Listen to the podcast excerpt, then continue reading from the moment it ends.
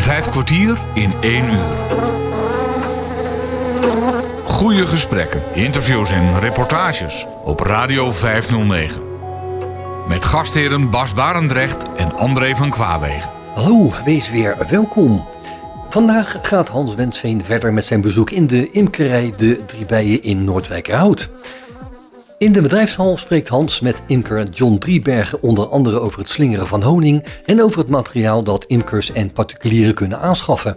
Dit gaat van bijenkasten tot honingzeep. We lopen nu de winkel in. Het ruikt hier echt ontzettend lekker. Eh, wat, wat is het eerste wat ik ruik, eh, John? Ja, het eerste wat je ruikt is natuurlijk eh, de honingzeep. Uh, er staat een heel uitgebreid, uitgebreid assortiment hier aan de linkerkant als je binnenkomt. En ja, dat, dat, ruikt natuurlijk gewoon puur naar honing. Omdat er zit puur honing in die honingzeep. En allerlei andere lekkere bijenproducten natuurlijk. Maar die honingzeep wordt ook gemaakt van de diverse honingen die je net hebt uitgelegd. Dus ja, nou, nou maken wij zelf enorm veel zeg maar, heel veel honing maken we zelf. We maken daarnaast heel veel uh, jam van ons eigen land met honing erin. Uh, we maken allerlei uh, bijen apicultuurproducten, zeg maar propolis capsules en tabletten en dat soort dingen maken we zelf. Maar op een gegeven moment is de dag voorbij, dus we kunnen niet alles zelf maken. Nee, de nee, zeep, de de zeep kopen we ja, in. En ja, dat kan uit Frankrijk komen, dat kan Ja. uit Duitsland komen. Uh, kortom, daar heb je natuurlijk heel veel grote imkerijen die heel veel produceren, in tegenstelling tot Nederland. Ja, maar het is wel puur natuurproduct. Wij verkopen alleen maar, alleen maar puur, natuurproducten. puur gezonde producten. Precies. Nou, voor de rest eh, ja, hebben we de eerste kast hier eh, waar allerlei cremmetjes staan. Zowel voor eh, uitwendige verzorging als ja, inwendige verzorging. En ja, inwendige verzorging kan je bedenken aan bijvoorbeeld propolis tintuur of propolis tabletjes of zo. En uitwendig aan bijvoorbeeld honingcreme of propolis zalf. Ja, we hebben voor, voor dieren hebben we natuurlijk ook allerlei ook, ook nog. crèmes. Ja. We hebben bijvoorbeeld propolis paardenzalf. Eh, ja, paarden kunnen natuurlijk allerlei eh, problemen krijgen met de hoeven. En eh, nou goed, dan, dan werkt propolis heel erg goed. We hebben mensen die bijvoorbeeld kooikarpers hebben die eh, in vijvers zitten en allerlei wondjes hebben. Dan kan je weer heel goed propolis zalf gebruiken. Dat gooi je in het water dan? Nee, dat, is meer, dat is meer op de wond van de, van de vis. Van de vis? Ja. Oh. Nou, dan hebben we zeg maar nog heel veel duivenliefhebbers. Ja. Die gaan met die duiven vliegen. Nou, dan gooien ze propolis de druppels in het water om die duiven gezond te houden. En eh, ze mengen bijvoorbeeld stuif met pollen door het voer om ze vitaal te krijgen. Ongelooflijk. En zo zijn er nog enorm veel legio's eh, En dan heb je een heel rek met eh, honingpotjes. Neem Ja, aan. nou ja, daar, daar- daar lopen we nu naartoe. Ja. We hebben een toonbank die is eh ja, 4 meter of 6 lang. En er staan, ik zal het 1, 2, 3, een stuk of eh 30 verschillende soorten honing op. 30 verschillende soorten. Ja. En ja, we hebben natuurlijk heel veel bijen op heel veel plekken, zowel in Nederland als in Duitsland. En je moet je voorstellen, we staan in het voorjaar staan bijvoorbeeld eh, in Noordwijk. Dan krijg je natuurlijk een, een voorjaarshoning uit de duinen. En als je daar in de zomer ook staat, dan krijg je natuurlijk weer een zomerhoning. Zomers bloeien er andere bloemen als in het voorjaar. Ja, ja, ja. Dus dan krijg je op die locatie krijg je dan eh, al twee soorten honing. En als je dan de honing ook nog een keertje gaat eh, roeren of gaat enten, waardoor je een crème honing krijgt, krijg je weer een soort honing. Dus dan heb je al van één plek heb je al drie, Drie verschillende soorten honing. Ja, ja, ja. Daarnaast reizen we met onze bijen naar eh, bepaalde kwekers die bijvoorbeeld eh, blauwe zeedistel hebben. In Oesgeest is dat bijvoorbeeld eentje. Nou, dan krijg je dus blauwe zeedistelhoning. En ja, dat is weer een heel andere honing, omdat dat ja, 80% blauwe zeedistel is. En Zo. ja, zo hebben we natuurlijk heel veel soorten die je ook niet in Nederland ergens anders kan kopen. Omdat wij, wij staan daar alleen met onze bijen. Dus die krijgen alleen die honing op die plek. eh, product. Ja. ja. Zo sta ik bijvoorbeeld eh, ja, bij Miss Lavendel in Noordwijk. Ja, die heeft één hectare met alleen maar lavendelplanten. En ja, de- verreweg de meeste lavendelhoning die je in Nederland kan kopen, die komt uit Frankrijk, Uit Frankrijk. of ja, uit Spanje. Ja, Ja, ja, en wij hebben dan Nederlandse lavendelduinhoning. Zo, Dus, mooi en dat maakt het heel apart. Jeetje, heb je hier ook zo'n zo'n zo'n ding staan, zo'n zo'n kast? Hè? Want ik moet geen korf meer zeggen. Nou. Ja, je mag, we, we hebben ook korven staan, Oh, maar we hebben ook kasten. ja. En nou. in die kast zitten bijen natuurlijk. Die kasten staan, Oh, die staan buiten. die staan natuurlijk buiten. Anders Ja, daar ga ik even niet heen. Ja, er, komt, natuurlijk eh, veel, eh, veel toeschouwers komen hier, veel bezoekers. En als je een bijenkast in binnen hebt, dan, ja, dan vinden de meeste mensen het toch niet zo leuk. Maar je hebt dus een bijenkast die voor de winkel eigenlijk. En daar zitten bijen in. Eh, ja, in dit geval heb ik nou net naast de winkel staan. Nou ja, goed, maar wel vlakbij. Maar eh, ja, van de week had ik hier een bijenzwerm voor de deur. En die kast heeft dan een week eh, voor de deur gestaan. Geweldig. En dan vragen de mensen, heb je bij? Ik zei, nou, je bent net langs een bijenkast heen gelopen. Die hebben dat dan helemaal niet in de gaten tot daar gewoon ja, bijen in en uit vliegen. En je hebt er ook geen last van. Dus ja, het valt er ook niet mensen niet op natuurlijk. Maar hier heb je zo'n zo'n kast staan? Of zo'n, zo'n- Ja, waar, waar wel ge- waar even geen bijen in zitten? Want dat vind ik wel even Nou, leuk. ik heb hier wel kasten staan. Dat zijn eh, pure... hier, van. Ik loop even met je Ja, mee. dat zijn pure nieuwe bijenkasten. Ik, Ja. zal, ik zal even een honingkamer pakken. Ja, Dan kan het even even bekijken. aanvoelen. De honingkamer is niet zo hoog als een broedkamer. Dus het is is een houten, een houten, een vierkant. houten, een houten, bijna vierkante kast met afstandrepen erin. Ja, dat zijn deze, die, die, Die ijzeren, die metalen dingen. punten. En in dit geval eh, is dit een, een eh, afstandreep met 10 ramen. Maar het kunnen er ook 11 zijn of 9. Want hier komen de, de, de, ramen in te ramen in te hangen. Ja. Ah, Oké. Maar is dit ook de afmeting van een, eh, van een kast, zeg maar? dit van is gewoon een pure afmeting van een, Van een eh, kast. Dat is, eh, kast of een spaarkast. een 45 bij 45, zeg ik dat Ja, goed? 47,5. Oh, nou zal ik er niet ver naast. toch? Dus, eh, enorm goed. nee, maar dat, Maar- is, dat is de grootte van, In- van een kast. ja, maar ja, je hebt in Nederland natuurlijk verschillende kastmaten. Net zo goed als ik in België bijvoorbeeld heel veel kastmaten heeft, maar ook in Duitsland. Elke streek heeft gewoon zijn eigen type bijenkast weer. Maar het voordeel van een bijenkast is wel, waar die ook gebruikt wordt in Europa, tot daar raampjes in zitten. En dan spreken we over losse bouw. En losse bouw wil dus zeggen, je kan een raampje eruit halen. Je kan het slingeren en dat raampje blijft heel en dan kan je ook weer teruggeven. Teruggebruiken. Vroeger met de korven had je een vaste bouw. Dan worden die raten van de ene kant van de korf naar de andere kant vastgebouwd. En als je dat wil gaan oogsten, dan moet je die korf afjagen. Dus je moet alle bijen die erin zitten naar een andere korf overjagen. En dan kan je zeg maar, raten met Oh, honing persen. Dus Ja. dan krijg je pershoning. Heel wat anders. Ja. En- Pershoning bevat ook alles wat je van honing kan verwachten.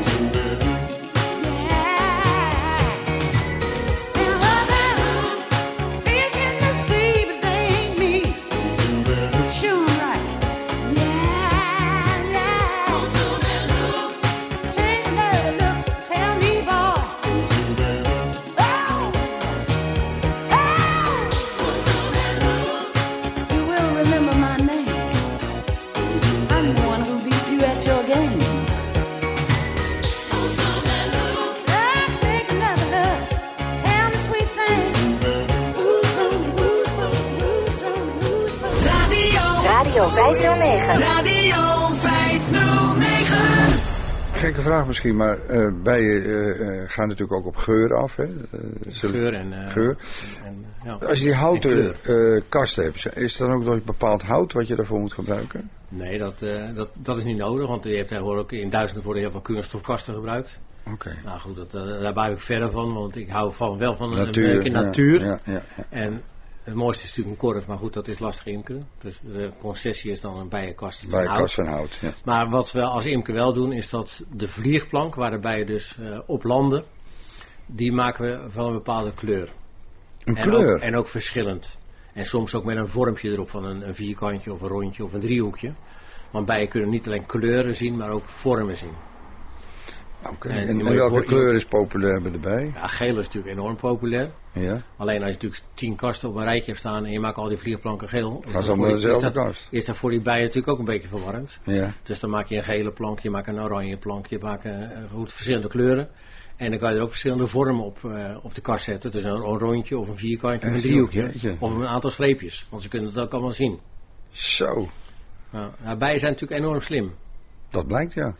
Eh bijen zijn zo slim dat als eh, een speur bij de kast verlaat en die, zij vindt een, een, dragbron, bijvoorbeeld een, eh, een mooie appelboom, dan komt ze terug in de kast met nectar. Dat geeft ze aan de huisbijen af. Ja. En terwijl ze dat doet, maakt ze een dansje. En dat dansje dat kan een ronde dans wezen of een acht dansje. En dat, dat geeft dan aan van de snelheid en de, ten opzichte van de stand van de zon. Van als je hier de kast uit gaat en je gaat 50 meter naar links en dan eh 600 meter rechtdoor, dan vind je die appelboom. En die bijen die dat allemaal aanschouwen, die gaan allemaal naar die appelboom. Dit, dit, lijkt op een eh, uitgebreide studie. Dit weet je niet in, eh, in, in één dag natuurlijk. Ook dat de kennis over de bij die is natuurlijk door de eeuwen heen eh, gegroeid dan. Ja, kijk, naast, naast koeien eh, zijn de bijen het belangrijkste op de wereld eigenlijk. Want eh, twee, Ja, de derde, bestuiving, de honing. twee, twee derde van alle natuur- en cultuurgewassen die worden bestoven door de bijen. Mhm, mhm. Dus als je naar een groenteboer gaat en je gaat even in de winkel gaan en je denkt twee derde van wat er ligt allemaal weg. Dat andere stukje dat is dan niet voor de bijen. Dus als de bijen weg zouden zijn, dan krijgen we een gigantische ho- hongersnood op de wereld. Oké. En niet alleen voor de mensen, maar ook voor, voor andere beesten. Voor, voor, voor, voor vogels, eh, eh, noem maar op, wat ik net al zei. Eh bijen bestuiven natuurlijk ook wilde bloemen en bessen. Mhm, Ja, mhm. en daar leven de, de vogels weer van. En de vogels zorgen weer tot die beste zaden weer verspreid worden, waardoor je weer andere struiken krijgt. Dus de bij staat dan aan het begin van, Van alles, van alles Ja, eigenlijk. ja. Ja, dus een enorm belangrijk insect.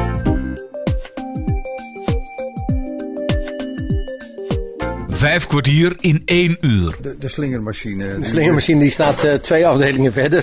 We zijn, we zijn nu in de winkel. Eh, pak mijn schouder maar vast. Valt hier nog iets verder over te vertellen, John? Ja, valt er er is nog zoveel, joh. Ja, de, kijk, wij zijn pas 37 jaar bezig, dus je kan nog 37 jaar vertellen, maar het programma is maar een uur. Dus we gaan nu even naar de honingslinger. Ja, dat gaan we doen. We gaan even langs de pallet met, uh, met vast. Er wordt hier ook nog eh, gewerkt door jou. eh Er wordt enorm hard gewerkt door Marijke. en Marijke is ook lekker bezig. Marijke, Marijke, is, Nee hoor, Marijke. Marijke is de koningin erbij natuurlijk. Oh ja, ja jij bent er werk bij natuurlijk. Of allebei. Zeven- 37 jaar geleden is Marijke met, met, eh, met mij begonnen met een cursus. Die heeft mij meegenomen. En, eh blijf even voor je staan. Ja. En eh, ja, we zijn to- toen begonnen met één bijenvolk en we zijn nu uitgegroeid tot een echte beroepsimkerij. Nou, bent hier- je er bent naar hier echte in- honing. Hier, is Ja. er- hier mis je, of mis je, hier is niet, niet die, die, noem het even de zeep. Nee, je maar dit ruikt echt naar honing. Ja, dit is puur honing. En ja, Zo wel. er staan hier ook eh honingraten zeg maar, in die bakken die nog geslingerd moeten worden. Of die we gewoon als, puur als raad verkopen. Want we krijgen heel veel eh allochtone Nederlanders die willen gewoon een hele raad hebben. En dat vinden ze natuurlijk geweldig, want dat is puur natuur. Maar een hele raad, dan moeten ze hem zelf leegmaken. Ja, dat, de snijden ze dan in stukken en dat nemen ze dan mee. Bijvoorbeeld na het suikerfeest naar Marokko. Of wat het gaat, joh? of het gaat naar Koerdistan. Of het gaat, eh, kortom, het gaat eh, de hele wereld eigenlijk over die honing van ons. Oké. Ja, we hebben mensen die brengen honing naar Canada, naar Nieuw-Zeeland, Australië. Goeiedag. Kortom, ja. Zeg, en even nog een vraag tussendoor. De, die honingraad, jij zegt je kan een paar keer per jaar, noem het even, oogsten. Of hier Ja. een ander woord voor, denk ik. Ja, oogsten. Ja. Oh, toch wel. Oh, Ja. oogsten. Eh, je hebt een, een, een verse kast, zet je neer. Ja. Hoe, hoe lang duurt dat gemiddeld voordat je hem kan oogsten, zeg maar? Nou, als je met je bijen in Nederland niet reist, dus dat wil zeggen je blijft gewoon in je eigen tuin met je bijen, dan kan je in het voorjaar eh, slingeren en je kan in het najaar Dus slingeren. twee keer per jaar. Twee keer per jaar kan je slingeren, standaard. Maar ga je... En dat hangt natuurlijk ook van het weer natuurlijk af. Want ja, heb je een heel koud en nat voorjaar, dan valt er weinig te slingeren. Dat geldt ook voor de zomer. Het weer moet natuurlijk wel meespelen, maar twee keer kan je gemiddeld eh, slingeren. En als je gaat reizen, kan je natuurlijk meerdere keren slingeren. Je moet je voorstellen, we brengen erbij eh, in het voorjaar naar, eh, naar een boomgaard. En het is mooi weer, dan kan je natuurlijk fruithoning, Ah, ja, ja. fruithoning slingeren. Ja, En ga je naar een koolzaad, eh, dan kan je weer eh, slingeren, dan kan je koolzaadhoning slingeren. ja, ja. ja. Eh, ga je midden in de zomer naar een dijk met heel veel lindenbomen. Dan, kan je, dan kan je de lindenhoning slingeren. Ga je dan helemaal aan het eind van het jaar weer naar de hei, dan kan je heidehoning slingeren. Oh, heidehoning. En zo, zo kan je het hele jaar natuurlijk verschillende oogsten binnenhalen met je bijen als je gaat reizen. Maar dat is natuurlijk enorm vermoeiend. Ja. Heel veel werk, je moet sjouwen, je moet controleren. Ja. Maar goed, als, als je eh, beroepsimker bent, dan brengt het ook eh, zeg maar weer extra inkomen. in, Want je krijgt natuurlijk bestuivingsgeld. Ja, ja, ja. Oh ja, is dat zo? Ja, kijk, die bijen die leveren een arbeid. En die zorgen ervoor dat een, eh, een fruitboer natuurlijk een goede fruitoogst krijgt. Ja, oké, dus jij brengt een kast, of een paar kasten naar bijvoorbeeld, ik noem eens dat de Betuwe, of weet ik waar. Ja. En dan gaat zo'n zo'n zo'n fruitkweker, die betaalt Die bestaat, die bestaat bestuivingsgeld heet dat. Oh joh, dat is, dat is een nieuwe begrip En- van bestuivingsgeld. Oh, ja. ja, bestuivingsgeld is natuurlijk gewoon. eh, ja, de, de, de imkersvereniging in Nederland die, die, die bepalen dat een, een beetje. Maar elke imker is natuurlijk eh, vrij om eh, zijn eigen kostprijs te berekenen. Maar ja, zonder bijen heb je natuurlijk geen, geen appels of pruimen of kersen Nee, of peren. natuurlijk niet. Nee, en, geen aardbeien. Nee, logisch, ja. En ja, goed. Daardoor krijg je dus je bestuivingsgeld. En dat geldt ook voor zaadteelt natuurlijk. Kijk, zonder, zonder bijen heb je geen slazaad. Nee. En geen bloemkoolzaad. En geen komkommerzaad. Kort, alle zaad eh, dat moet bestoven worden door bijen of insecten. En anders houdt het op. Vijf kwartier in één uur. Dit programma staat geheel in het teken van bijen, honing en aanverwante zaken. Hans Wensveen spreekt met imker John Driebergen. Op Radio 509. Hoeveel imkers zijn er dan in Nederland? Want als je, in Nederland zijn er momenteel, momenteel zeg maar, tussen de 7 en 8000 eh Zoveel? imkers. Nou, zoveel, dat is natuurlijk heel weinig als je het vergelijkt. ja, in verhouding tot wat er moet gebeuren. Als je het vergelijkt met zeg maar, eh, in, in de oorlogsjaren, toen hadden we zeg maar, tussen de 35 en 40.000 imkers in Nederland. Toen speelde wel mee dat imkers toen eh, suiker kregen, om de bijen zogezegd te voeren. Maar ja, goed, heel veel suiker werd dus niet aan de bijen gegeven, maar werd gewoon in de oorlogsjaren Zelf zelf opgegeten ja. of eh, weer doorverkocht. Want na de oorlog eh, waren er omheen weer een stuk minder imkers. Mhm. Maar eh, ja, dan hebben we ooit 40.000 imkers in Nederland gehad. Ja, dan is het weinig, 8000, dat snap ik wat je En, en de meeste imkers in Nederland zijn natuurlijk gewoon ook hobbyimkers. Waar, waar niks mis mee is. Alleen, eh, ja, eh, beroepsimkers zijn natuurlijk heel weinig in Nederland. Ja. Is dat, is dat niet jammer eigenlijk? Want eh, dit soort beroepen is fundamenteel, als ik het goed begrijp van jou. Ja, is ik het ook. geloof het ook wel, maar dat moet toch eigenlijk iets mee gebeuren, zou je zeggen. Ja, maar ja, dan de komen we- een heikel punt en dat is de overheid. Mhm. En de overheid heeft de afgelopen jaren in de imkerij heel veel afgebroken. Niet alleen bij de overheid, maar, of niet alleen bij de imkerij, maar ook in de totaliteit. Eh, vroeger had je van de overheid uit eh, voorlichters. Die stonden zeg maar, tussen de landbouwers en de imkers. En die begeleiden zeg maar, de imkers en de landbouwers eh, bijvoorbeeld met het berekenen hoeveel bijenvolken per hectare appels of peren moeten komen. Mhm, Die zijn allemaal wegbezuinigd. Daarnaast was er, office, toen wij nog de, de cursus deden, de opleiding heette dat toen nog, ging het via de agrarische scholen, kreeg een officieel diploma van het ministerie van Landbouw en Visserij. Alle leraren en opleidingen zijn wegbezuinigd door de overheid. Gevolg is dan de eh, verenigingen grijze cursussen doen of zwarte cursussen, waardoor het eind van de cursus krijg je een kopietje uit een kopieerapparaat en een certificaat of een diploma. Ja, ja, ja. Ja, en dan kan je wel, eh, wel bijhouden, maar dan ben je nog niet echt eh, beroepsimker of, of, of imker. En het gevolg is dat je dus ja, niet echt een, een, belangrijke imkerij in Nederland eh, meer hebt. Dat is een En, teerpunt. eh. en dan heb je nog de biodiversiteit. Kijk, vroeger had je bijvoorbeeld in de Flevopolder, toen die ontgonnen moest worden, ja, zag de polder geel van de, van de koolzaadvelden, paars van de blauwe distels.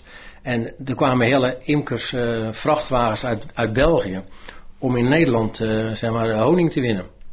Ja, en tegenwoordig is alles groen en er staan van die grote vierkante blokkendozen die enorm veel elektriciteit slurpen, maar die helemaal niks toevoegen. Nee.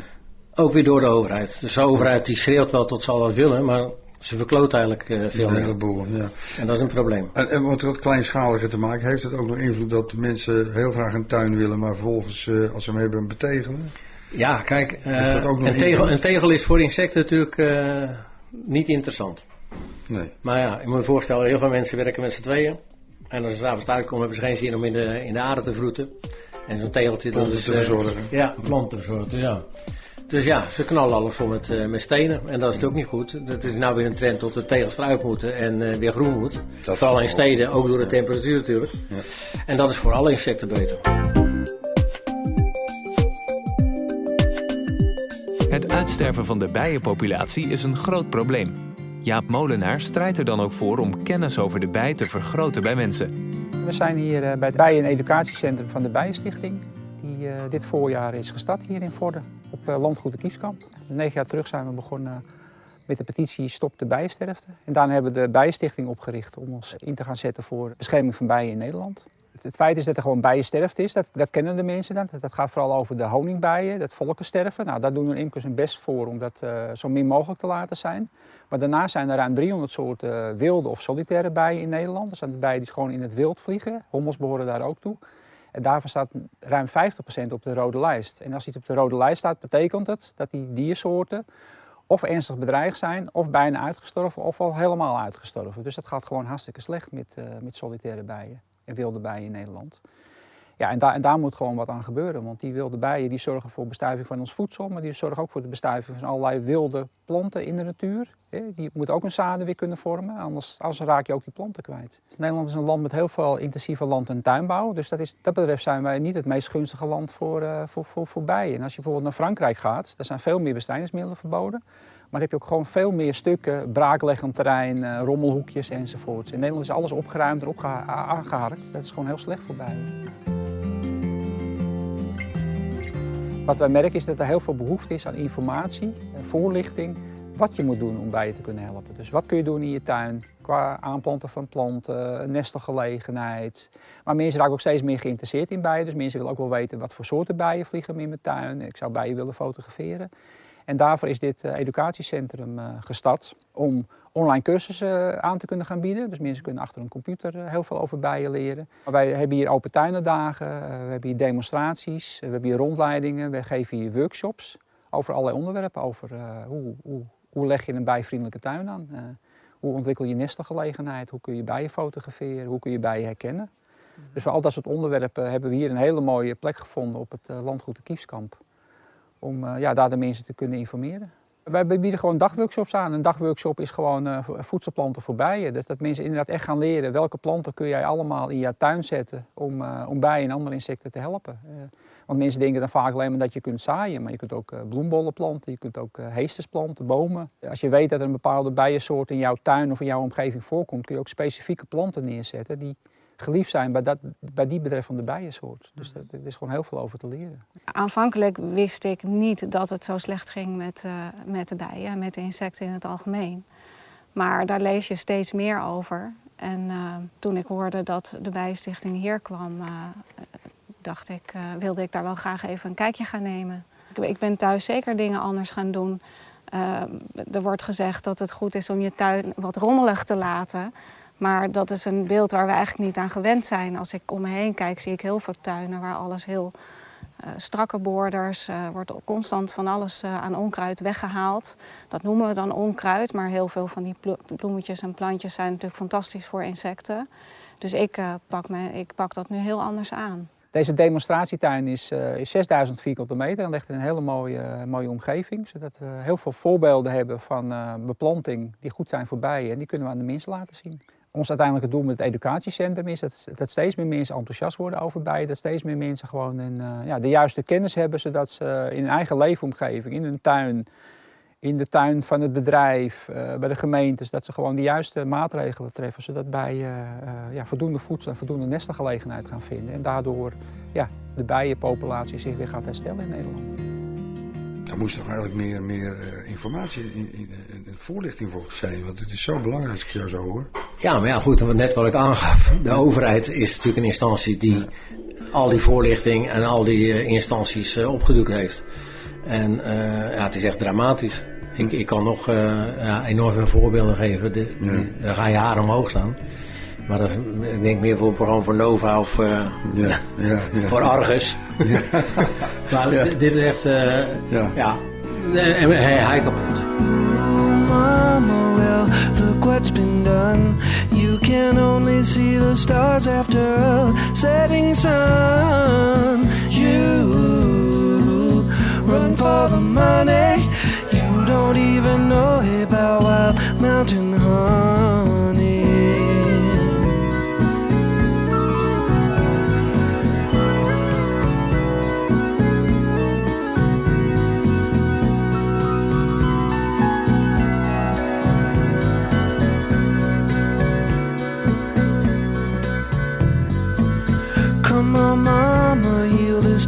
Lonesome man. Grow the tree of wholeness in this desert land. Come on, children, now learn how to run. By heaven, the stars, the moon, and the sun.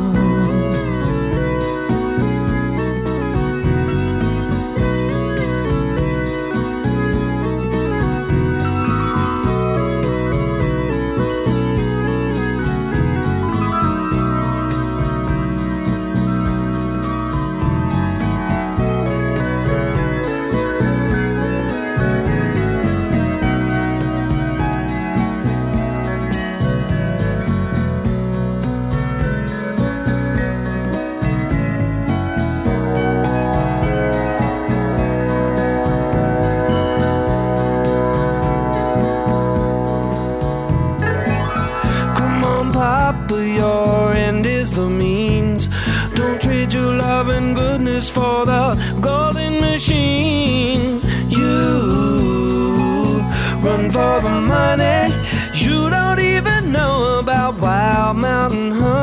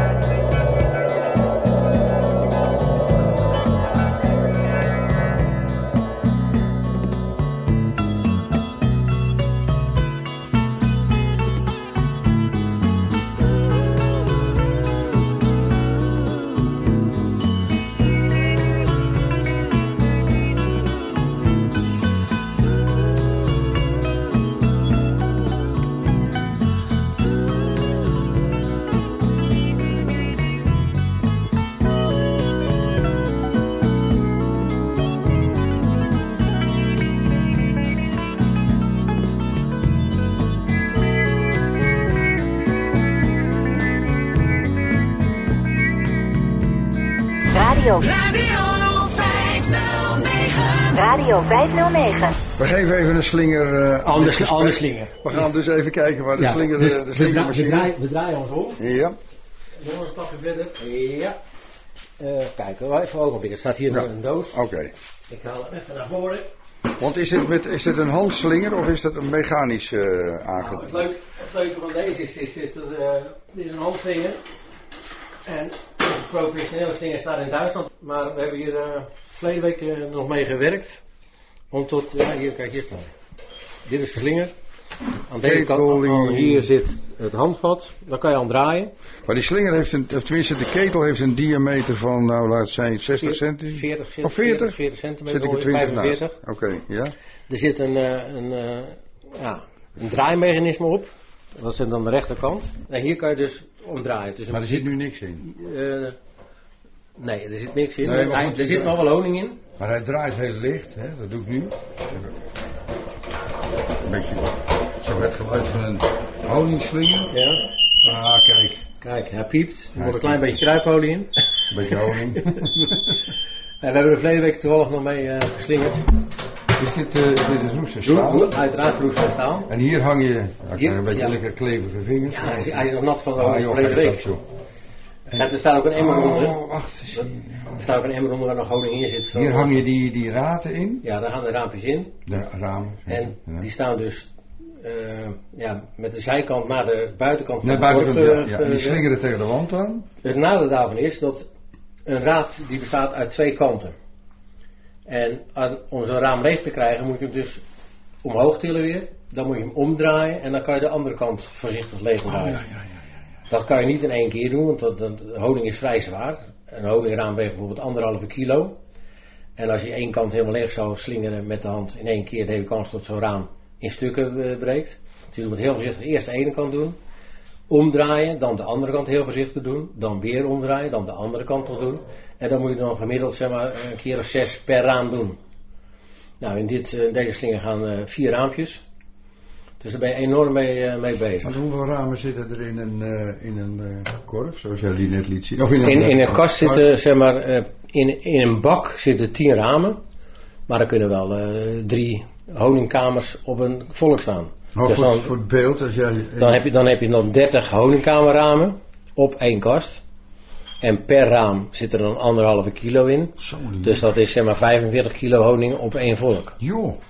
En als je dat allemaal met de hand moet slingeren, dan ben je binnen een halve dag, eh, dan heb je een, een, een schouderfractuur. Maar dan heb je één kast gedaan. Dan heb je één kast gedaan. Ja, en wij hebben natuurlijk meerdere kasten, dus wij hebben heel lang geleden hebben we eh, een radiaalslinger eh, Ja. aangeschaft. En een radiaalslinger is een, eh, een slinger die bevat in ons geval 12 ramen.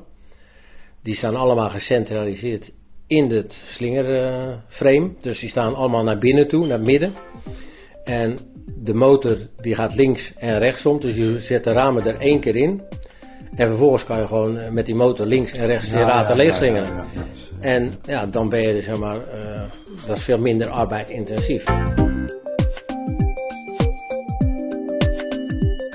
Alles, al het gereedschap wat ik vandaag gebruikt heb, heb ik van tevoren goed schoongemaakt met heet sodawater. Dus een honingemmer van niet meer, met, waar niet meer dan 18% water in zit, liever nog minder. Dus alles wat gisteravond schoongemaakt is, is goed gedroogd, heeft de hele nacht kunnen uitdrogen. Schone kleren aan. Ik heb eh, straks natuurlijk heel gauw eh, vieze vingers en ik wil alles een beetje minder plakkerig houden. Dus ik heb ook altijd aan mijn broek een handdoek hangen om gelijk mijn handen af te kunnen vegen. Ontzegelbak. Hier kan straks de raad op staan. Daar zit een dubbele bak. Hier komen de dekseltjes straks in, die druipen uit. Dus hieronder is een bak met een vork om te ontzegelen. Ja. Het blijft handwerk, want de, de ramen ontzegelen we met een ontzegelvork. Ja, dat zei je. En een ontzegelvork is een grote kam met eh roest en stalen punten, waardoor de dekseltjes eh, van de was af kan halen. Je moet je voorstellen, als wij een, potje honing afvullen, dan doen we daar ook een deksel op. De bijen doen er eh, een deksel op van bijenwas, zodat de honing geen vocht uit de omgeving aan kan trekken. Want als honing eh, te hoog vochtgehalte heeft, dan gaat het op een gegeven moment gisten. En zo ontdekten de imkers eh, ja, 100 jaar geleden dat je dus mede kon maken. En mede is weer de godendrank. Dus de, de suikers die in de, in de honing zitten, zet- zetten zich om een alcohol. En dan krijg je dus een hele, een hele lekkere ja, honingwijn, honingdrank. Honingdrank, ja. Ja, de leden. En ik ga nu een raampje pakken, ons eerste raampje om te slingeren. De zegeltjes moeten eraf. Dat is best een eh, secuur klusje. Ja, dit is het, het goud waar we het voor doen. Dan hebben die bijen daar wel heel veel werk van moeten verzetten hoor. Want hier zijn ze een paar miljoen keer voor heen en weer gevlogen. Kun je dit ook eh, makkelijker? Je hebt een eh, elektrisch mes wat verwarmd is. Dat kun je in één keer langs snijden. En dit is eigenlijk wel een klusje wat je, ja, wat je tijd voor nodig hebt hoor. Dit doe je niet even gauw. En dat de raadjes er zo staan, dan gaan we zo slingeren. Dan knalt zo de honing eruit. Nog eentje, dan is hij vol. Hey, de slinger is natuurlijk schoon en droog. Vooral droog, want als er iemand anders voor je geweest is, heeft hij met water schoongemaakt. Ja, dan kun je hem niet direct gebruiken, want dan eh, heb je weer heel wat water in je honing. We hebben een emmer met daarop een dubbele zeef. Eerst de grove zeef. Waar dus de meeste grove deeltjes, daaronder de fijne zeef. En zelfs daardoorheen gaan nog wat, eh, wat, wat hele fijne wasrestjes. Dus later gaan we dat ook nog van de honing afhalen. Het slingeren zelf moet heel rustig gaan gebeuren. Want als je knalhard gaat draaien, dan zijn je raten gelijk stuk. En deze raten wil ik weer gebruiken natuurlijk. Dus ik begin, eh, ik heb mijn richting bepaald, dat is die. Dan ga ik eerst rustig beginnen. Ook als je dat met de hand doet, rustig beginnen. Nog even uitleggen dat we hier normaal de deksels op hebben, uit veiligheidsoverweging. Want ja, als je hier even met je vinger in komt, dan eh, hebben we rode honing en die willen we niet hebben. Je moet best wel met beleid slingeren. Je ziet ook hoe die eruit komt.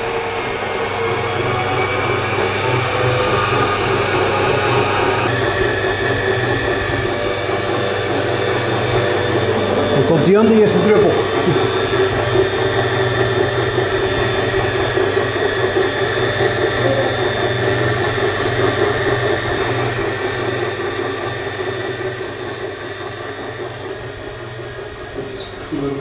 Het gewicht is stukken minder nu. Ja. Het is dus de, de zegeltjeswas. Dat is eigenlijk de hoogste kwaliteit was.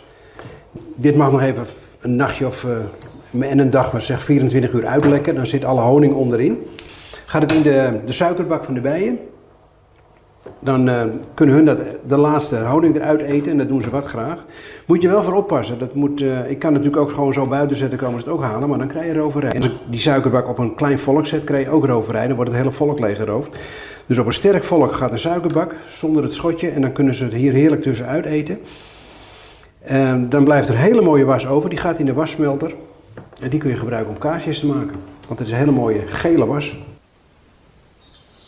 Als je aan het slingeren bent, dan gaat het natuurlijk heerlijk naar honing ruiken. En ja, het is zaak om ramen en deuren goed dicht te houden, want ja, het is een magneet voor bijen. Dit zou je dus ook nooit buiten kunnen doen, hè. Want je wordt opgevreten door de bijen, want ze komen met z'n allen wel jouw honing ophalen. Dan zijn we aan onze laatste raampjes toe.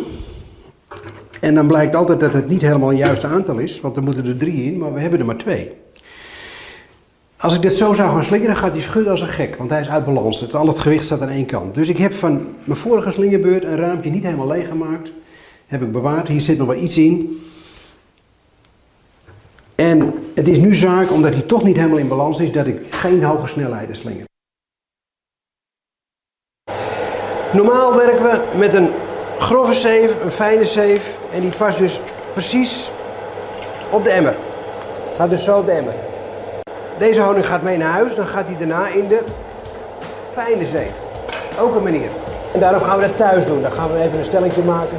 Gaat hij bovenop de emmer komt hij te staan. Gaat daar de honing doorheen en dan wordt hij heel mooi fijn gezeefd. En het voordeel is dat je deze veel beter kunt uitwassen. Dit is makkelijker om schoon te houden.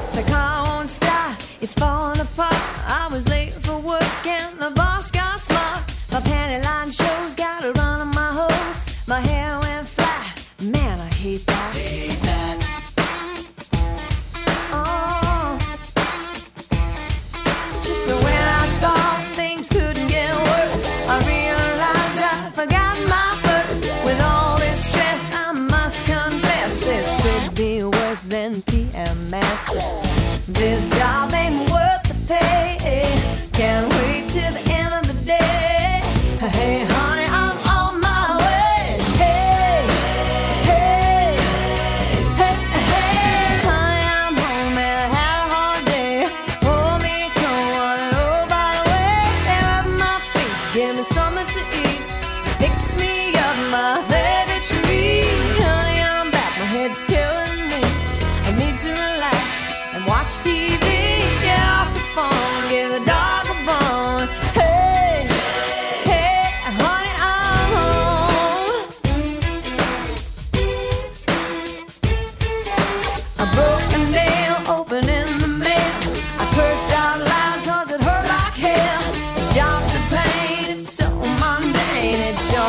Stimulate my brain.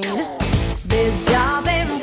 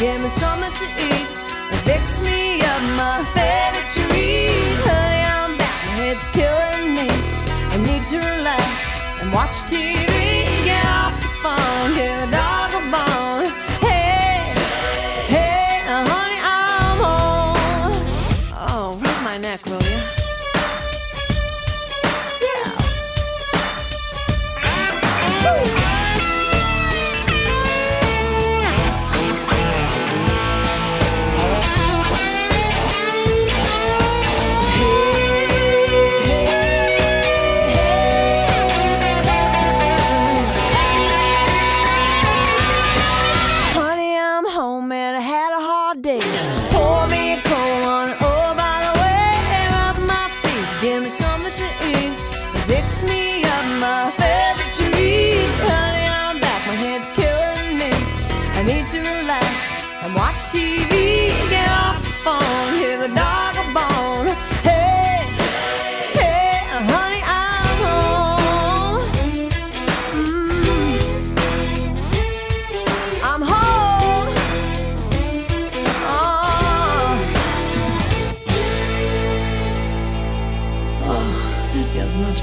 Hans Winsveen is de gast bij de imkerij De Drie Bijen in Noordwijkerhout. Nou vertelde je de vorige keer iets over als er een indringer in zo'n kast eh, komt. Daar hebben de bijen ook een oplossing voor bedacht. Hè? Ja, ja bijen zijn natuurlijk eh, heel erg slim. Buiten het feit dat ze kunnen vertellen waar de nectar te vinden is door middel van een achtdans of een rondedans.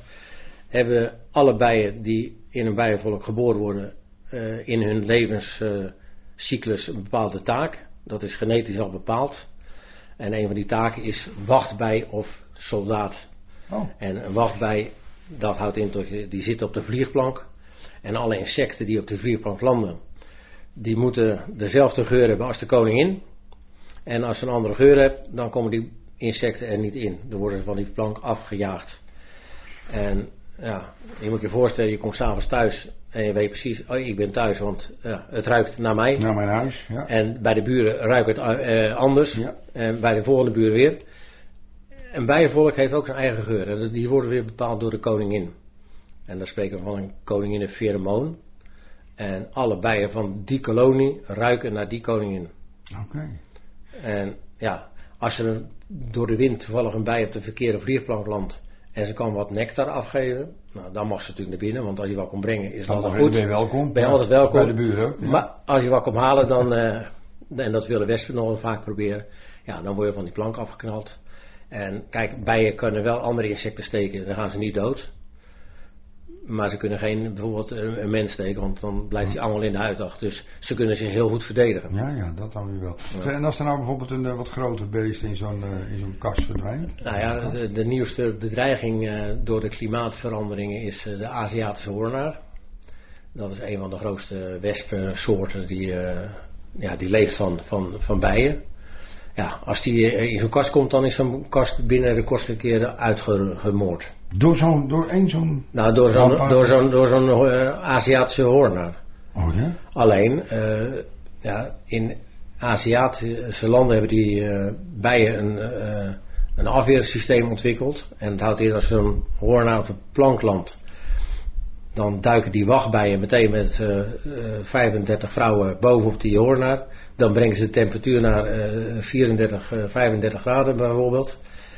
Die hoornaar gaat er dan dood en die bijen kunnen dat net overleven. Alleen onze Europese bijen die herkennen die insect nog niet als vijand. Dus dat gaat een probleem worden. De Aziatische hoornaar is groter dan een wesp, maar kleiner dan de Europese hoornaar. De Europese heeft een bruine kop met gele stippen, een bruin middenstuk en een achterlijf met gele segmenten. De poten zijn bruin. De Aziatische hoornaar heeft een zwarte kop met een oranje punt, een zwart middenstuk en het achterlijf heeft een oranje ring, maar dat kunnen ook twee of drie oranje ringen zijn. Zeer kenmerkend voor de Aziatische hoornaar, de poten.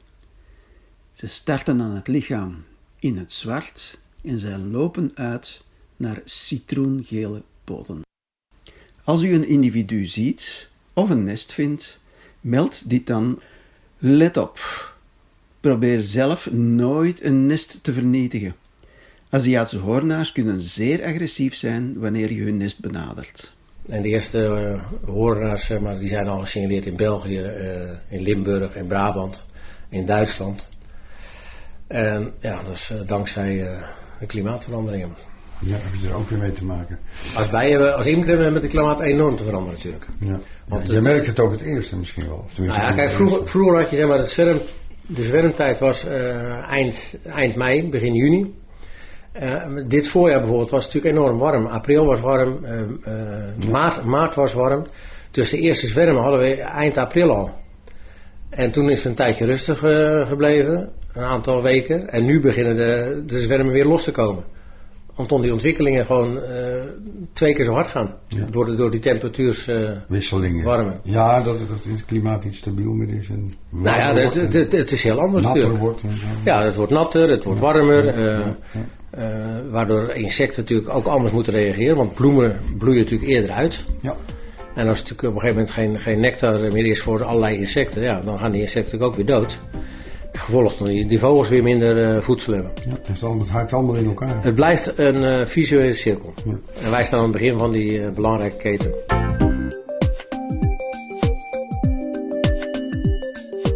Vijf kwartier in één uur. John, eh, om het eh, verhaal eh, even praktisch af te maken. Eh, kan jij, eh, heb je hier iets om even, even te proeven? Even gewoon? Ja, natuurlijk heb ik Ja, hier- Zullen we dat doen? Dan Kijk, ik het- hier, ik heb hier zit die honingslinger staan. Ja joh. En onder die slinger staat een emmer. Ja. En er zit natuurlijk verse honing in. Verser kun je het niet krijgen, hè? Deze honing die hebben we verleden week eh, geslingerd. En die komt uit eh Oestgeest. Ja. Want ja, heel toevallig. Terug naar feest gaan we nu Hadden, even. hadden we verleden week, eh, of nee, 14 dagen geleden, hadden we ehm Jannie van der Heijden. Die wou ook eh, graag honing slingeren en proeven. Van de Omroep Max. Oh zo. En, Ja. ja. die is hier bezig geweest met zijn slinger. Ik heb hier een lepel. Ik zal het stokje aan je geven. Ik heb hier een- Daar zit een aardige ding honing op. Nou, ik ga nu even proeven. Oest, oestgeest honing. En verse kan je het niet hebben. Hij is heel lekker stroperig. Ik neem zelf, En ook zoet? nog, ik neem zelf ook nog een schepje. Hij is, hij is zoet. Wat voor kleur heeft deze nou? eh, Nou, dit is dus de voorjaarshoning. En voorjaarshoning is over het algemeen heel licht van kleur. En dat heeft te maken met het feit dat er in het voorjaar natuurlijk heel veel prunusachtige bloemen bloeien. En dat geeft een hele lichte honing. Ik probeer de, de... Hij is heel, heel lekker zoet en stroperig, wat ik zeg. Maar ik probeer een bloem daarin te proeven, maar dat lukt mij niet. Nee, en dat heeft te maken met het feit dat dit komt van het landgoed Endergeest. Ja, ken ik, ja. En daar staan natuurlijk enorm veel eh, verschillende soorten bloemen. Dus dit is een gemengde bloemhoning uit Oestgeest.